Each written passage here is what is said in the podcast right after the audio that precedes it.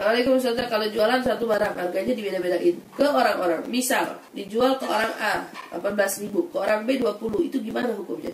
Ya tidak masalah. Kamu mau kasih diskon sama si Fulan, sama si Fulan gak dikasih diskon. Ya hukumnya gak apa-apa. Gak ada dosanya juga di sini. Kalau ditanya hukum, boleh. Ya gak boleh itu biasanya jual barang dua harga.